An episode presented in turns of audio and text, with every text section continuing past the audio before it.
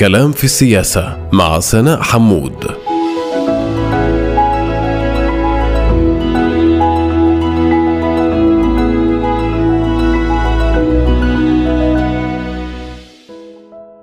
أهلا ومرحبا بكم مستمعاتنا ومستمعينا الكرام في حلقة جديدة من بودكاست كلام في السياسة الذي سنتناول في إطاره تحليلات معمقة بمنظور أوسع حول قضية هامة أو شخصية مفصلية تركت وقعها وأدت إلى تحولات لافتة في المشهد السياسي.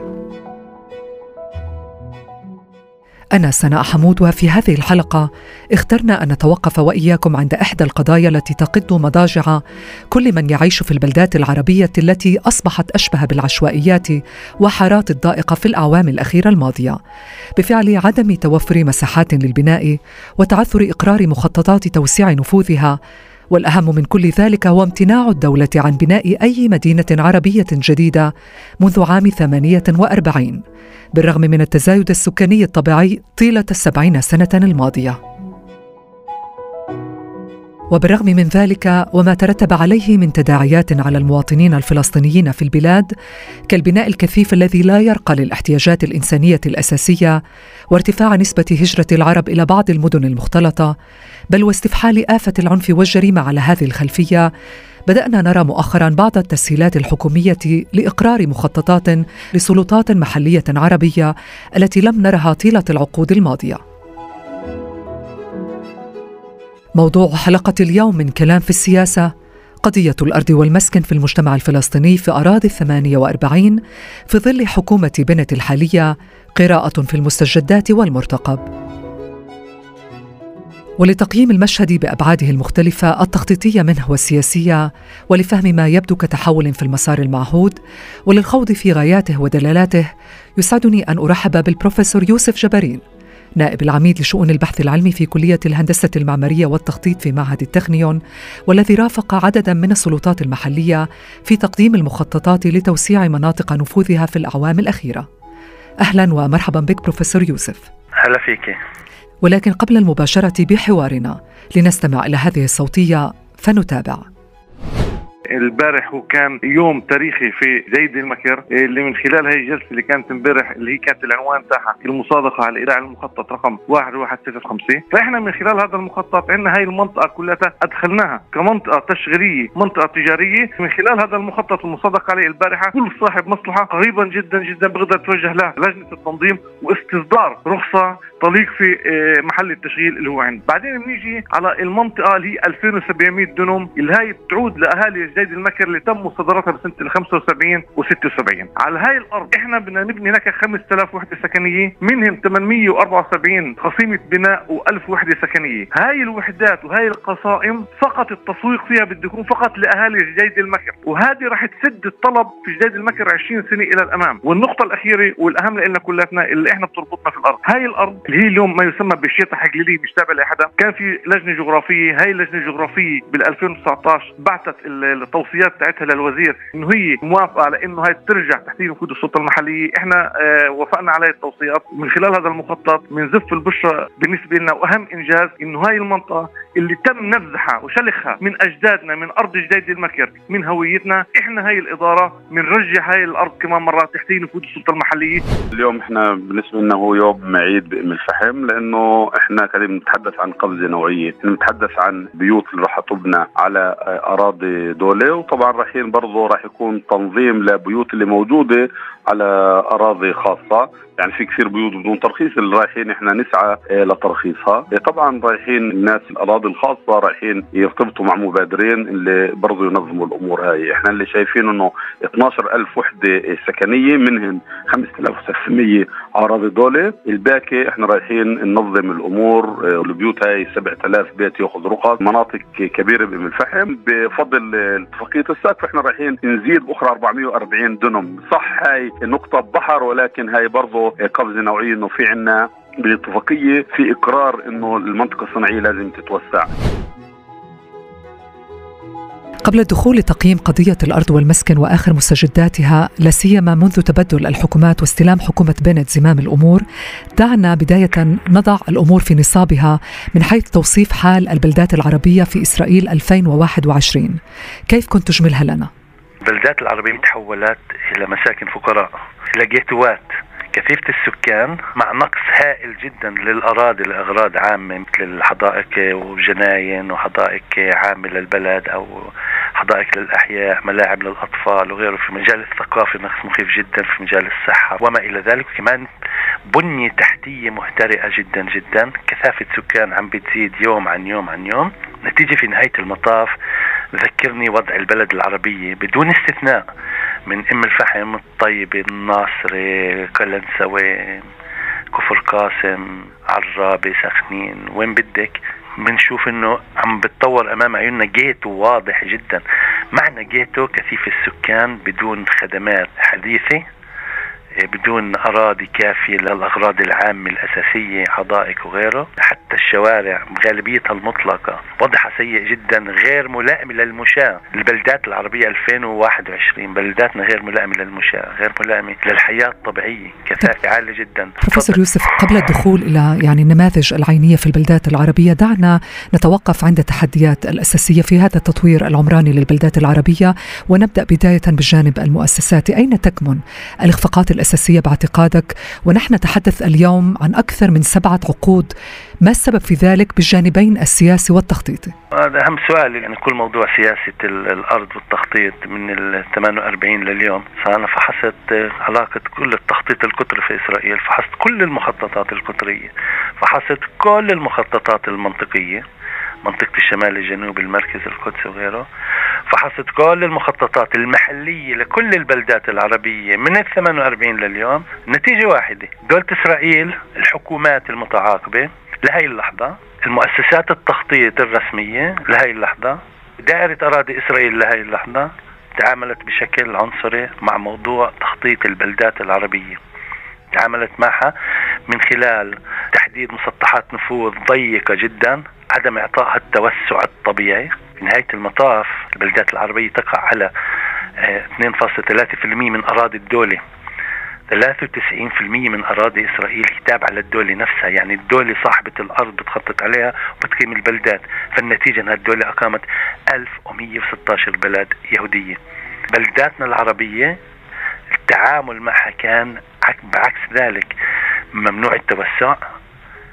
إذا تم إقامة بلدات عربية جديدة في النقب لهدف التركيز فقط تركيز العرب في النقب لأن القضية هناك كبيرة قضية مليون دنم اللي الناس بتطالب بملكية عليها.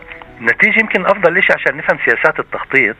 إنه إحنا بنملك كل قليل من الأرض رغم إنه إحنا 21% 2.3% اللي بنملكها مبنية اوريدي بشكل مطلق وكثيف. كل قليلة جدا جدا جدا من السكان العرب اليوم عندهم أراضي خاصة للإسكان. كل قليلة جدا جدا. وإحدى الأبحاث اللي عملتها آخر فترة وصلت لنتيجة صاعقة جدا. يعني أذهلتني ولما بعرضها في مؤتمرات أو مع باحثين من العالم ما بيفهموا النتيجة هاي إنه كيف ممكن لمواطن ومواطنة عربي في إسرائيل ممنوع إنها تسكن 940 بلد. يهودية. 940 بلد في إسرائيل ما فيها عائلة عربية واحدة. فهي النتيجة بتوضح لنا الصورة القاتمة التعامل المتواصل من خلال شبكة تخطيط مركبة قطرية منطقية محلية. مجلس تخطيط أعلى لجان لوائية للتخطيط لجان محلية للتخطيط.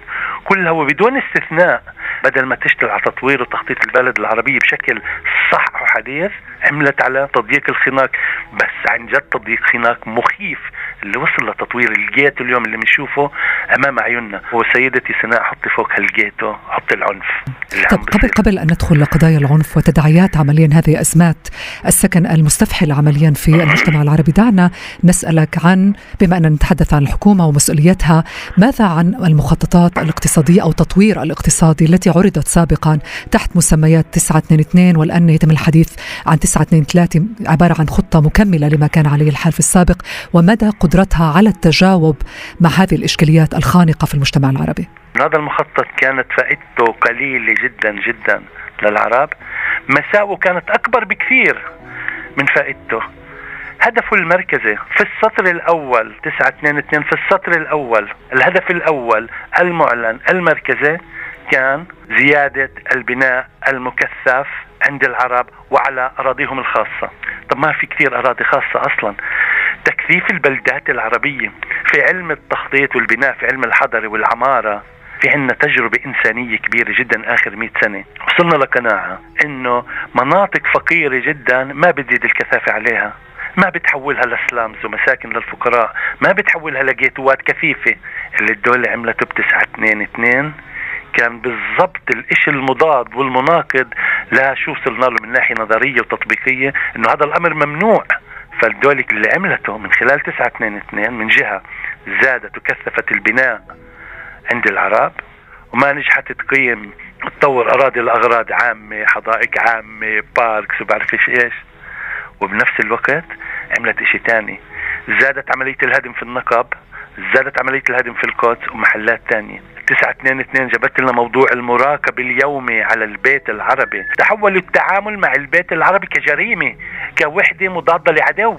وهاي الكارثة في فهم التخطيط في إسرائيل اللي لازم يتغير. إنه البيت العربي بيت الأسرة العربية هذا مش بيت عدو هذا بيت مواطن ومواطنة. النتيجة بدي أستعمل استعارة واستعملتها في لقاءات مختلفة على موضوع 922 ب 922 ما نجحت في بناء حمام للعرب من بلاستيك. حمام واحد مش بيت. حمام من بلاستيك ما نجحت تبني. ف 922 اهدافها المسبقة كانت سيئة جدا. محدة للتطور. أهدافها الأساسية ما كانت ديمقراطية. كان فيها التمييز جوا بداخلها لما نفكك وبنشوفه واضح جدا إنه هدفها تركيز وتكثيف العرب. هذا الخطر في موضوع التخطيط وهذا الأمر المخيف في اللي عم بصير في الأيام الأخيرة كمان. هذا الأمر الأساس. طب إلى أي مدى ترى تحولا عن هذا التوجه الذي كان في 922 لنذكر يعني في فترة حكومة نتنياهو إيه، السابقة؟ والآن نتحدث عن حكومة جديدة تأتي بخطط تطوير اقتصادي إيه، مغايرة مع ميزانيات أكثر. وكذلك إيه، إقرار لما يسمى بقانون المجمعات ذات الأفضلية للسكن أو ما يسمى بالفتمال في إطار هذه المحاولات أو المساعي للحكومة الجديدة الذي كما نذكر أقر في الكنيست قبل فترة وجيزة. ما أهمية هذه التحولات إن كان ب 923 923 المقترح أو قضية الفتمال في تسهيل أو إنهاء إقرار مخططات بشكل عام وتحديدا في البلدات العربية؟ في كذب كبير عم بتصير في البلد. إنه في تغيير جذري عم بصير في البلدات العربية.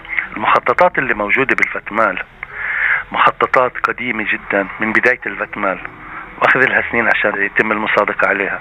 ليش آخر فترة عم بصير مصادقة على مخططات عند العرب بالفتمال؟ سبب واحد بسيط إنه الفتمال خلال أربع انتخابات كان معطل. قانون الفتمال هو قانون ساري لفترة معينة فترة وجيزة واضحة.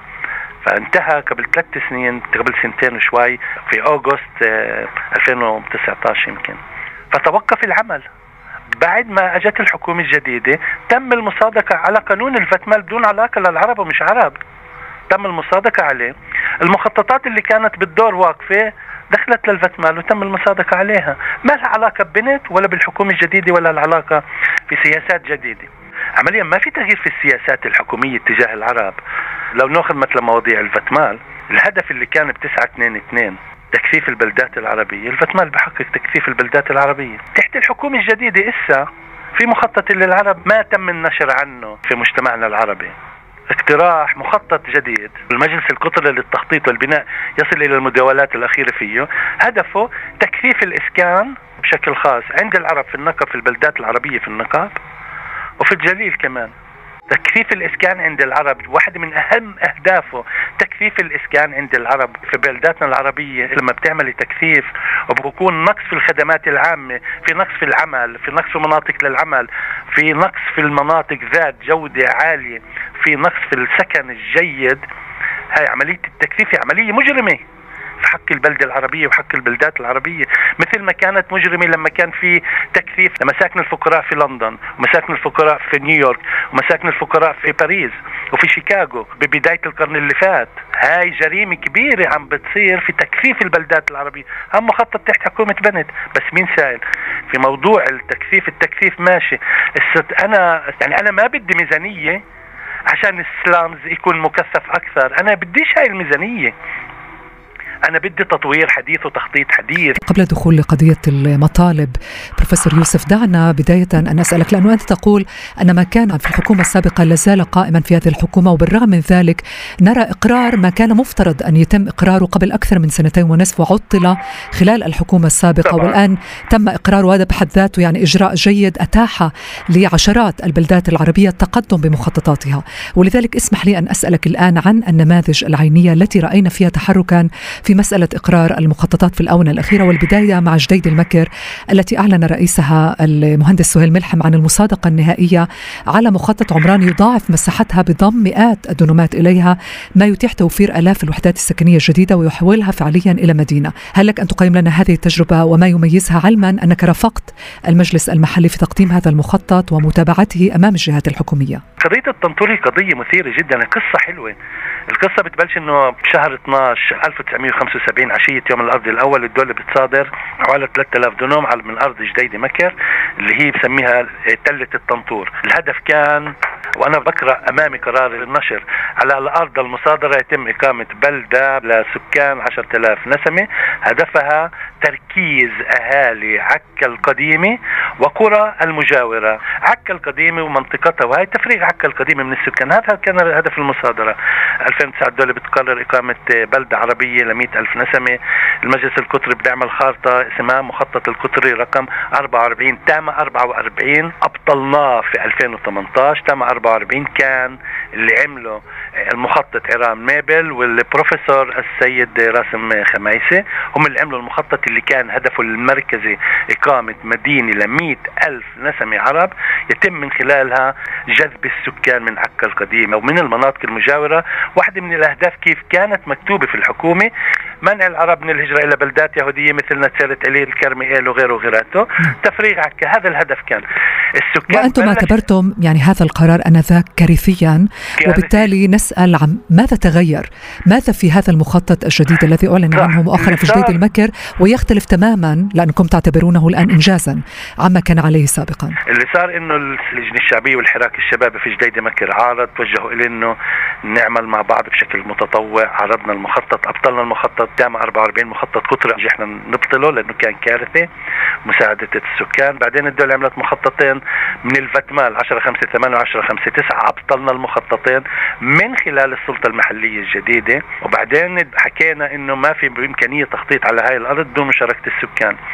ففي نهاية المطاف تم اتخاذ قرار بعد إبطال المخططات كلها تم اتخاذ قرار إنه يتم إعداد مخطط بمشاركة السكان. فكبتنا عملية التخطيط في نهاية المطاف الأرض اللي صودرت سنة ال 75 عشية يوم الأرض من أجل تركيز العرب واقامة مدينة عليها لجنة تقصي الحدود آه، المنطقية قررت أوسط بإرجاع كل الأراضي المصادرة لجديدة مكر. هذا أكبر إنجاز بالنسبة لي كان إرجاع الأرض. الأمر الثاني إبطال موضوع إقامة مدينة وإقامة حي لجديدة مكر. حي عادي ولكن حديث. اللي فيه أراضي الدولة اللي حوالي 3000 دنم أراضي الدولة 75% من أراضي الدولة يتم مصادرتها من أجل الحيز العام من أجل خصخصتها لأراضي لاغراض عامة شوارع آه، أماكن للصحة للخدمات العامة وغيره. وبشكل رمزي في قلب الأرض المصادرة وعلى راس تلت الطنطور يتم إقامة بلدية جديدة مكر الجديدة، إقامة الأرض اللي كانت 1100 دنم أرض خاصة مصادرة كانت تم إبطال المصادره عمليا على الأراضي الخاصة بأعطاء الناس امكانيه انه يبنوا عليها بيوتهم. طبعا إقامة آه، أرض خاصة للتجارة كان نجاح مخيف جدا. هذا الفرق الهائل بين شو انعمل لأنه كان الناس سيطرت. الناس أخذت مصيرها بإيديها والسلطة المحلية قررت إنه ما بدها اتفاقية سقف مع الحكومة هاي الحالية أو الحكومة السابقة. رفضت كل الأمور هاي من أجل المصادقة على هذا المخطط. كيف ما بدها السكان؟ الأمر الآخر بس للأسف في فترة هاي الحكومة عم بصير تم إيداع مخطط شارع رقم ستة للأسف الشديد. شارع رقم ستة يصادر أراضي من جديدة مكر. شارع رقم ستة في فترة هاي الحكومة يتعدى على الأراضي العربية بشكل سافر وعم بصادر أرض منها وعم بضرب يعني وين في بلدات عربية عم بصادر منها الأرض هل تعتقد انه هناك علاقة بين الأمرين؟ يعني بين هذا التوقيت بإقرار مخطط فيه آلاف الدنومات وعمليا إعادة أراضي صودرت عشية يوم الأرض عام 75 وبين مخطط أو المصادرة الجديد لصالح شارع ستي تحديدا من البلدات العربية ليس فقط جديد المكر هنا في مستويين. في المستوى الأول اللي بلش بال 2018 2019 بيشتغل لحاله بشكل منفصل. بس في التخطيط القطري للشوارع بيتم منعزل عن التخطيط في الفتمال. يعني كثير امور بإسرائيل اللي فيها فجوات في عمليه التخطيط ما في استراتيجيات عادة واضحة بهاي الأمور. شارع ستة هو للأسف الشديد السلطات المحلية العربية قدمت اعتراض عليه بتامل إنه يتم تعديله. شارع رقم ستة واحدة من الأسباب أنه آه، تعدى على الأراضي العربية وفق المخططين آه، للشارع ستة أنه إذا غيرنا مساره يمكن يضر في بركة السمك في إحدى الكيبوتسات والمشافيم ممكن يضر بأنتينا هون وهناك بس ممكن يتضرر على آلاف الدونمات العربية هذا مسموح أما بركة سمك ممنوع. فهيك تحت الحكومة جديدة كمان. فعشان هيك أنا مش شايف إنه يا ريت لو هاي الحكومة الجديدة أجت وحكت. أنا من هاي اللحظة بدي أتعامل مع العرب بشكل متساوي. بشكل عادل بلاش متساوي بشكل عادل. نعم. إنه شارع ستة بدنا نعيد النظر فيه لأنه يعتدي على أراضي عربية بشكل مش منطقي ومش مهني. أو على فكرة قانون الفتمال تم المصادقة عليه في السابق من القائمة المشتركة وحديثا من القائمة المشتركة والموحدة مع بعض. اللي ساعدوا في إقرار القانون الفتمال يعني هذا القانون اللي كان فيه فكرة إنه كيف ممكن يساعد البلدات العربية في تسريع عملية التخطيط آه، فيها. بس في أجندة للفتمال كمان أجندة واضحة في تعزيز وتكريس كثافة إسكان عند العرب. هذا هذا هدف مركزي عندها. طيب يبدو أن هذه الحلول لن تأتي لا من هذه الحكومة ولا من سابقتها ولا نعرف إذا ستأتي يوما ما من حكومات مقبلة. ولكن دعني أعود وإياك لنماذج العينية في البلدات العربية لنفهم الفوارق والتباين التعاونات فيما بينها.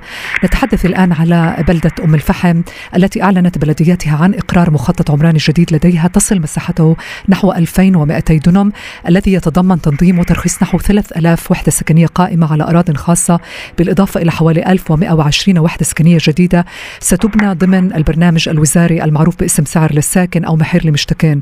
هل لك أن توضح لنا بماذا يختلف المخطط عن مخطط جديد المكر فعليا؟ الفحم معروف أنه بلد فقير بالعشر الثاني من ناحية اقتصادية اجتماعية بلد فقيرة جدا.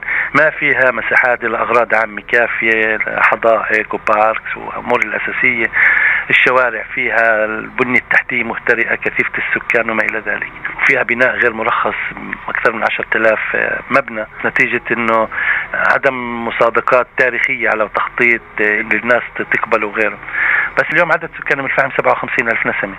يتم المصادقة من خلال فتمال واحدة من المخططات عراق الشباب 5800 وحدة سكن اللي هي كثافة فيها 12 ويصل فيها إقامة مباني للسكن تصل إلى 15 طابق. 15 طابق لبلد فقيرة. هاي جريمة كبيرة جدا من ناحية إسكان لأنك من ذلك يتم المصادقة بشكل عام في ثلاث مناطق في أم الفحم مع إقامة حوالي 15500 وحدة سكن. يعني حوالي 75 ألف نسمة زيادة عبلد كثيفة السكان فقيرة جدا ما فيها أراضي لأغراض عامة. بنيتها سيئة جدا.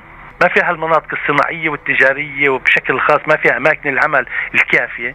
غالبية السكان تطلع بتشتغل خارج البلد.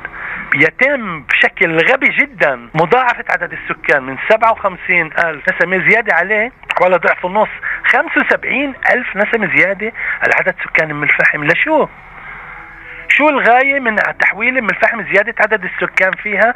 زيادة 75 ألف نسمة عما هي موجودة عليه اليوم عشان الناس تهاجر مثلا تسكن بحريش منطقة اللي أو عشان بس إنه دائرة أراضي إسرائيل تحافظ على أراضيها وتأخذ أكثر مبلغ من خلال عملية التسويق لأراضيها.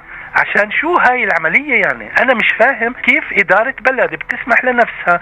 زيادة عدد السكان. 75 ألف نسمة. هل من بدائل أخرى أمام رؤساء السلطات المحلية في هذه المرحلة؟ من جهة هناك ضغوطات من قبل السكان لإتاحة المجال للبناء خاصة الأزواج. جاب علما أنه منذ 48 وحتى اليوم لم تقم مدينة عربية واحدة ولم يتم إقرار بشكل جدي لمساحات النفوذ لهذه البلدات العربية. السلطات المحلية بإمكانهم أنه يعملوا يعني الدولة طلبت قبل سنتين الحكومة السابقة تعالوا نعمل اتفاقية سقف مع جديدة مكر بشرط إنكم توافقوا على المخطط السابق ل ألف نسمة. المجلس رفض وأنا أعطيت استشارة للمجلس إنه هاي جريمة. رئيس المجلس فهم إنه هاي جريمة وكان يعرف إنه هاي جريمة ورفض. الهدف مش إنه نعمل اتفاقيات سقف ونأخذ مصاري. الهدف إنه نحافظ على جودة حياة تليق بالسكان بشكل ديمقراطي. حق الادنى في السكن مع خدمات عامة تليق بالسكان العرب مثل ما موجود بالخضيرة والعفولة. حول أم الفحم يكون موجود بأم الفحم كمان. رؤساء السلطات المحلية عليهم ياخذوا الأمور تقرير مصير بلداتهم بإيديهم مثل ما بلدية العفولة والخضيره وحيفا وغيره بيقرروا كيف التخطيط يكون ببلداتهم. ليه بلدية أم الفحم و... وسخنين والطيبة وغيره وغيراته ما باخذ ما أمور التخطيط مش بإيديهم. يعني شو السبب؟ هذا ضعف كبير جدا للقيادات في السلطات المحلية اللي مش فاهمين شو واجبهم وشو حقوقهم وشو هم الوحيدين منتخبين فأنت كمنتخب ليه أنت ترضى شو بيجيبوا لك؟ روح رؤساء سلطات محلية بيكونوا بلجنة التوجيه لمخطط اللي بيشاركوا فيه بيشاركوا بكل الجلسات بعدين بقدموا اعتراض عليه ارضاء بشكل ضريبي بس للسكان. هذا أمر يعني هذا أمر مش معقول هل قضية الطيبه وعرابه والسخنين وطمره هي ذات الحالة من حيث المخططات العمرانية وما تبتغي الحكومة من وراء تسهيل إقرار هذه المخططات؟ المؤسسات التخطيط مبسوطة جدا على اللي بصير إنه عم بتم إقرار مخططات اللي هي كثيفة السكان. في آخر كم سنة هجرة للعرب لحيفا في هجرة للعرب لنوفا قليل لكرميئيل لمحلات مع غالبية يهوديه الهدف تكثيف السكان منع السكان العرب من الهجرة لبلدات مجاورة. والدولة بتحكي أنا بدي أستغل الأرض الخاصة عند العرب بشكل آه عالي جدا جدا وأراضي الدولة بدي أستغل. هذا الهدف تاعي أنا كدولة بدي أستغل الأراضي بشكل عالي جدا لأنه أنا ما بدي يتم إقامة آه بارك على أرض خاصة للدولة بدي أعمل عليه 20 طابق في الطيبة. طب أنت 20 طابق في الطيبة ما أنت فيش عندك ملعب للأولاد الصغار في الحارات في عندك بلد كثيفة السكان فقيرة. موضوع مثلا عرابة اسم المخطط تمال 10 4 3 5300 وحدة سكن. بلش في 2018 بس كيف ممكن نفهم إنه فيه 817 آه، معترض على المخطط؟ من اهالي البلد 817 معترض في بلد صغير زي على مخطط صغير معناه المخطط انعمل بشكل غير ديمقراطي وسيء للناس. 817 معترض هذا شيء كبير جدا.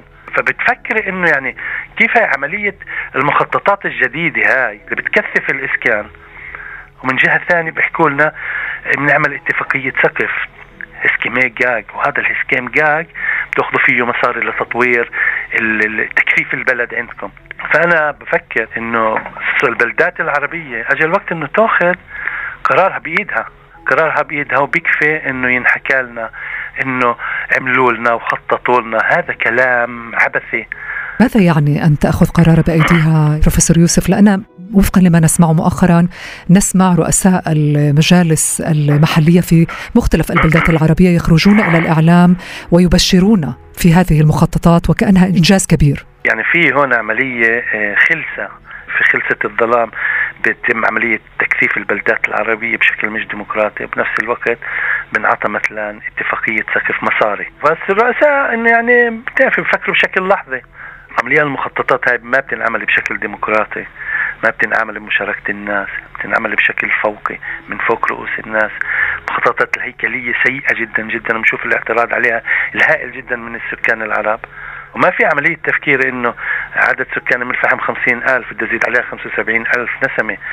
طب ما إحنا شايفين الحالة في ام الفحم شايفين حالة القتل والعنف شايفين حالة الفقر شايفين مئات آلاف العائلات تعيش تحت خط الفقر. يعني في عملية استغلال لضائقة السكن عند العرب من أجل تحويلها لجيتو هذا الخطر في الأمر. فعشان هيك هاي البشرى السارة أنا يعني بتشائم لما أسمع البشرة السارة من هالنوع اللي ما فيها إعطاء للعرب للأسرة العربية الحق في تقرير مصيرها في بلدتها مثل ما بصير بحيفا مثل ما بصير بكفر سابا بهرتلية بكل بلد وبلد. هذا أمر حق تقرير المصير في بلدك من خلال عملية التخطيط والإسكان وتوسيع مسطحات نفوذ البلدات العربية على أراضي الدولة وإقامة مناطق عمل. شو كيف ممكن انت بتزيد عدد سكان 75 ألف نسمة؟ تصير أم الفحم 130 ألف نسمة بدون آلاف الدنمات لمناطق صناعية. طب كيف هيك بتعمل هاي جريمة كبيرة؟ بعتبرها أنا. بتزيد الفقر أنت. كيف أنت بتعمل شيء من هالنوع؟ الأمر الآخر شو مع الاسكان للفقراء؟ أراضي تابعة للدولة. أخذتها بدل ما تعمل عليها 20 طابق شو مع اسكان الفقراء شو مع اسكان الناس اللي فيش عندها مصاري؟ شو مع الناس اللي ما عندهاش إمكانية تشتري قطعة أرض أو تبني بيت؟ مين المسؤول عن هاي الناس. 50 52% من العائلات العربية تقع يعني إيش تحت خط الفقر. مين اللي بده يعطيها يمكنها انها تسكن فبنستغل الدولة والسلطات المحلية العربية. بشكل مجرم كبير بتستغل ضائقة السكن عند الناس عشان تعمل 20 طابق وتزيد الكثافة الإسكان وتسكن فيها فقراء. فقراء بيقدروا يسكنوا ب 20 طابق. تعرفي مين الإسكان الفوق العالي؟ متعدد الطبقات اليوم بالعالم يعتبر يعني للأغنياء الأغنياء ممكن تنظيمه وممكن السيطرة عليه وإدارته لأنه بناء 20 طابق بده إدارة وبده دفع ضريبة محلية للبناء وغيره وغيره ضريبة بيت وهي الأمور الأساسية. اللي هي عالية جدا لإدارة 20 طابق. ننتقل إلى غايات هذه السياسة وأهدافها ذكرت قضية تكثيف السكن لدى العرب بداية والأمر الآخر هي قضية تقليص هجرة العرب للمدن المختلطة. دعني أتوقف عند هذه القضية تحديدا وأسألك عن الاعتبار الأمني. ربما هل لهذا الاعتبار دور في هذا الإقرار لمجموعة من المخططات الإسكانية والعمرانية في البلدات العربية مؤخرا؟ تحديدا بعد أحداث أيار مايو هذا العام يعني بعد ما رأيناه تحديدا في المدن المختلطة.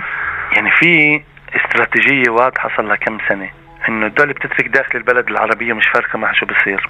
مثل العنف الدولة تركته بكون داخل البلد العربية بتركه.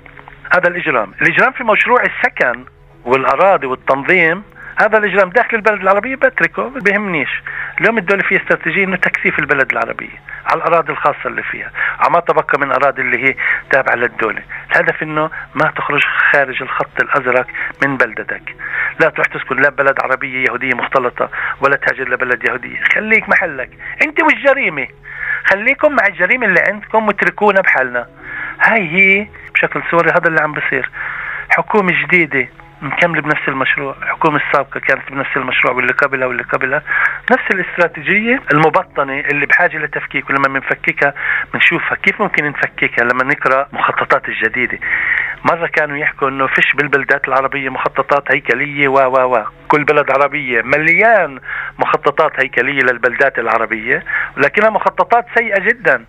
لا طليق في أي بلد في العالم في 2021 مخططات قديمة غير حديثة أبوية جاي من فوق بشكل عدواني على البلد العربية. وهذا الأمر المسيء والسيء للبلد العربية. هل في جوانب أمنية؟ ممكن يكون ما بفهم بهاي الاشياء يعني أكثر من اللازم يعني بس اللي أنا فاهمه إنه خليك انت بحالك انت وجريمتك في الإسكان في الجريمة العادية والعنف خليك بعيد عني اسهل لي هذا الأمر نحن بنشوفه إحنا طب في ظل هذا السيناريو القاتم يمكن القول لهذه المخططات التي تم إقرارها وعرضت على أنها إنجازات وفعليا يبدو أنها ستأتينا بالمزيد من الإشكاليات على أكثر من مستوى أسألك ما هو المطلوب الآن ويتجاوب الحاجات الفعلية للمجتمع الفلسطيني في البلاد في هذه المرحلة بتقديراتك؟ أول شغلة إصلاح الداخلي المطلوب. اترك الدولة بحالها والمؤسسات. وليش إصلاح الداخلي الاصلاح الداخلي إنه رؤساء السلطات المحلية العربية. اللي إحنا بننتخبهم مرة ورا مرة بشكل قبلي. إنه اجى الوقت إنه الرؤساء ياخذوا الأمور بإيديهم. اتخاذ الأمور بإيديهم يعني إنه كل بلد تقرر مصيرها في مجال التخطيط. بإمكاننا كل شغلة نغيرها. أنا إنسان مش منتخب إنسان متطوع غالبا في مجال التخطيط. نجحت بإبطال مخطط قطري رقم 44 إقامة مدينة. نجحت بإبطال مخطط قطري لمصادره 2500 دنو في جلجول نجحت بإبطال مخطط 10 5 8 و10 5 9 نجحت بالسابق ازاحه شارع 6 آه، المايقه على أحياء عربية وغيره. في بإمكاننا نعمل لما بنشتغل بشكل جماهيري قانوني مهني بس ونفهم إنه هاي ملكيتنا إنه البلد العربية هاي ملك إلنا. هاي مش ملك لمكاتب خاصة في تل أبيب ولا ملك الوزارات هاي ملكك أنت أنت المنتخب. هذا الأمر إصلاح الداخلي في مشكلة كبيرة جدا عندنا فيه. ويا ريت لو أشوف الشباب والشابات اللي يطلعوا كيف بصير بالعالم اليوم في في في, في كثير مدن في العالم. فقيرة وغنية عم تطلع مجموعات من تحت لفوق وبتقول أنا بدي أسأل شو مع التخطيط أنا بدي أكون شريكي أنا برفض هيك يكون أنا بدي ملعب. أنا بدي ساحة أنا بدي أعمل حديقة في الحي أنا وأنا أنا بدي بدي أغير الأمور من تحت لفوق. هذا الأمر الأول. الأمر الثاني انه اجى الوقت إنه السياسيين العرب في الكنيست إن يتعاملوا مع البلدات العربية والمجتمع العربي بشكل حديث ماشي بشكل شعبوي. أنا بدي مخطط ديمقراطي. بدي إنه الخطة القادمة لتطوير الاقتصاد العربي والبلدة العربية يكون فيه شركاء عربيات وعرب مهنيات ومهنيين اللي انعمل بشكل الاستراتيجية من خلاله تكون استراتيجية بالأساس ديمقراطية بتعطي للعرب الحق في السكن اللائق وبتعطيه أماكن عمل وبتعطي ترميم البلدات العربية. بس بدي أحكي لك شغلة. البلدة العربية آه، حريش بتاخذ كل سنة 1.2 مليار شيكل لتطويرها حريش لحالها. ميزانية حريش ميزانية التطوير في كل البلدات العربية مجتمعة. فأنا اللي بحكيه إنه في اليوم حالة السلمز اللي عند العرب لترميمها إحنا بحاجة لأكثر من 20 مليار شيكل سنوي بس لترميم البلدات العربية. بسؤال أخير ما فرص تحول جدي في تعاطي الحكومات بغض النظر من يرأسها في تغيير التعاطي مع البلدات العربية وإقرار المخططات بشكل عادل كما ذكرت على ضوء مبنى القوى السياسي في إسرائيل؟ في هذا ال grand concept الفكرة الكبيرة تاعت الأحزاب الكبيرة والكنيست والحكومة. هذا أمر. بس في أم اللي هون اختراقه كان كل الفترة كان صعب جدا إلا في اتفاقية هون وهناك و يعني أعطونا شوية هون بالأطراف هيك في إنجازات بالأطراف القليلة هون وهناك يعني. بس في كمان في شيء عم بصير في المجتمع الإسرائيلي بشكل عام إنه في النخب المسؤولة في أو كبار الموظفين في عم بصير عندهم تحول ديمقراطي أكثر وأكثر. عم بيفهموا إنه البلد العربي كيف هي ماشي فيه الوضع خطر جدا. يجب إن عمل شيء جديد فيه. في محاولات بلشت تصير محاولات. اللي أنا بقترحه إنه المطالبة هاي من خلال سلطات محلية وأعضاء كنيست بشكل موحد. يعني المشكلة عندنا فيش عندنا أجندة بهذا المجال. فيش عندنا أجندة عند العرب ما في عندنا أجندة قيادة قطرية عندها أجندة. وين رايحين؟ بالبلد العربية. إن كان مشتركة وإن كان مش مشتركة. كل الأحزاب وبدون استثناء ومع السلطات المحلية العربية. ما في عندنا أجندة. وين رايحين بالبلد العربية؟ وين مستقبلها؟ وين تخطيطها؟ كيف بدنا نعمل؟ شو مع الكثافة؟ شو عم بصير؟ فوضى عارمة جدا. ومن خلال هاي الفوضى في اختراقات هون اتفاقية سقف وبهللة هون وبهللة هناك. أنا اللي بحكي فعلا إحنا في حاجة كمان لمؤتمر عام كاستعارة أو غير استعارة لإعادة بناء وهيكلة البلد العربية. ناخذ مسؤولية عليها. هذا الأمر ممكن يمكننا إنه نطالب من جديد في حقوق أساسية. توسيع البلد العربية إقامة أماكن عمل كل موضوع التكثيف كل موضوع إسكان الفقراء. مين بيعالج إسكان الفقراء؟ ولا حدا مضطر كيلو لواحد مقرب عليه. شو مع البلدات العربية اللي مش معترف فيها في النقب؟ وين صارت حالتها؟ شو مع الهدم في القدس؟ شو مع 44 ألف بيت في القدس غير معترف فيه تحت خطر الهدم؟ شو مع وما مع كل هاي الأمور الأساسية اللي هي من الشمال للجنوب؟ ما في عنا حركة سياسية أو أحزاب أو قيادات قطرية اللي أجت حكت تعالوا نبني أجندة قطرية مع بعض. المشاحنات مشتركة وموحدة. يعني هذا كلام مخجل لأنه الطرفين يعني ما بيعطونا أجوبة. الجيل القادم حق أطفالنا يعيشوا بشكل متساوي. مع أولاد اليهود. ما بنقبل بوطننا إنه نكمل نعيش بهاي الحالة البائسة اللي إحنا مش درجة ثانية ولا ثالثة. إحنا ولا درجة صفينا في مجال الأرض والتخطيط والإسكان والعمل. بحاجة لثورة الانقلاب انقلاب واضح في هذا الأمر. ببلش بالاصلاح الذاتي عندنا واجى الوقت إنه نحكي إحنا المشكلة الأساس قبل ما نحكي إنه المشكلة عند الدولة. اسمح لي أن أشكرك بروفيسور يوسف جبرين نائب العميد لشؤون البحث العلمي في كلية الهندسة المعمارية والتخطيط في معهد التكنيون على هذا الحوار الخاص القيم والشيق. شكرا جزيلا لك. شكرا لك شكرا. كان هذا كلام في السياسة. شكرا لكم مستمعاتنا ومستمعينا الكرام على حسن الاستماع. أطيب التحيات لكم أينما كنتم. دمتم بكل خير. كلام في السياسة مع سناء حمود.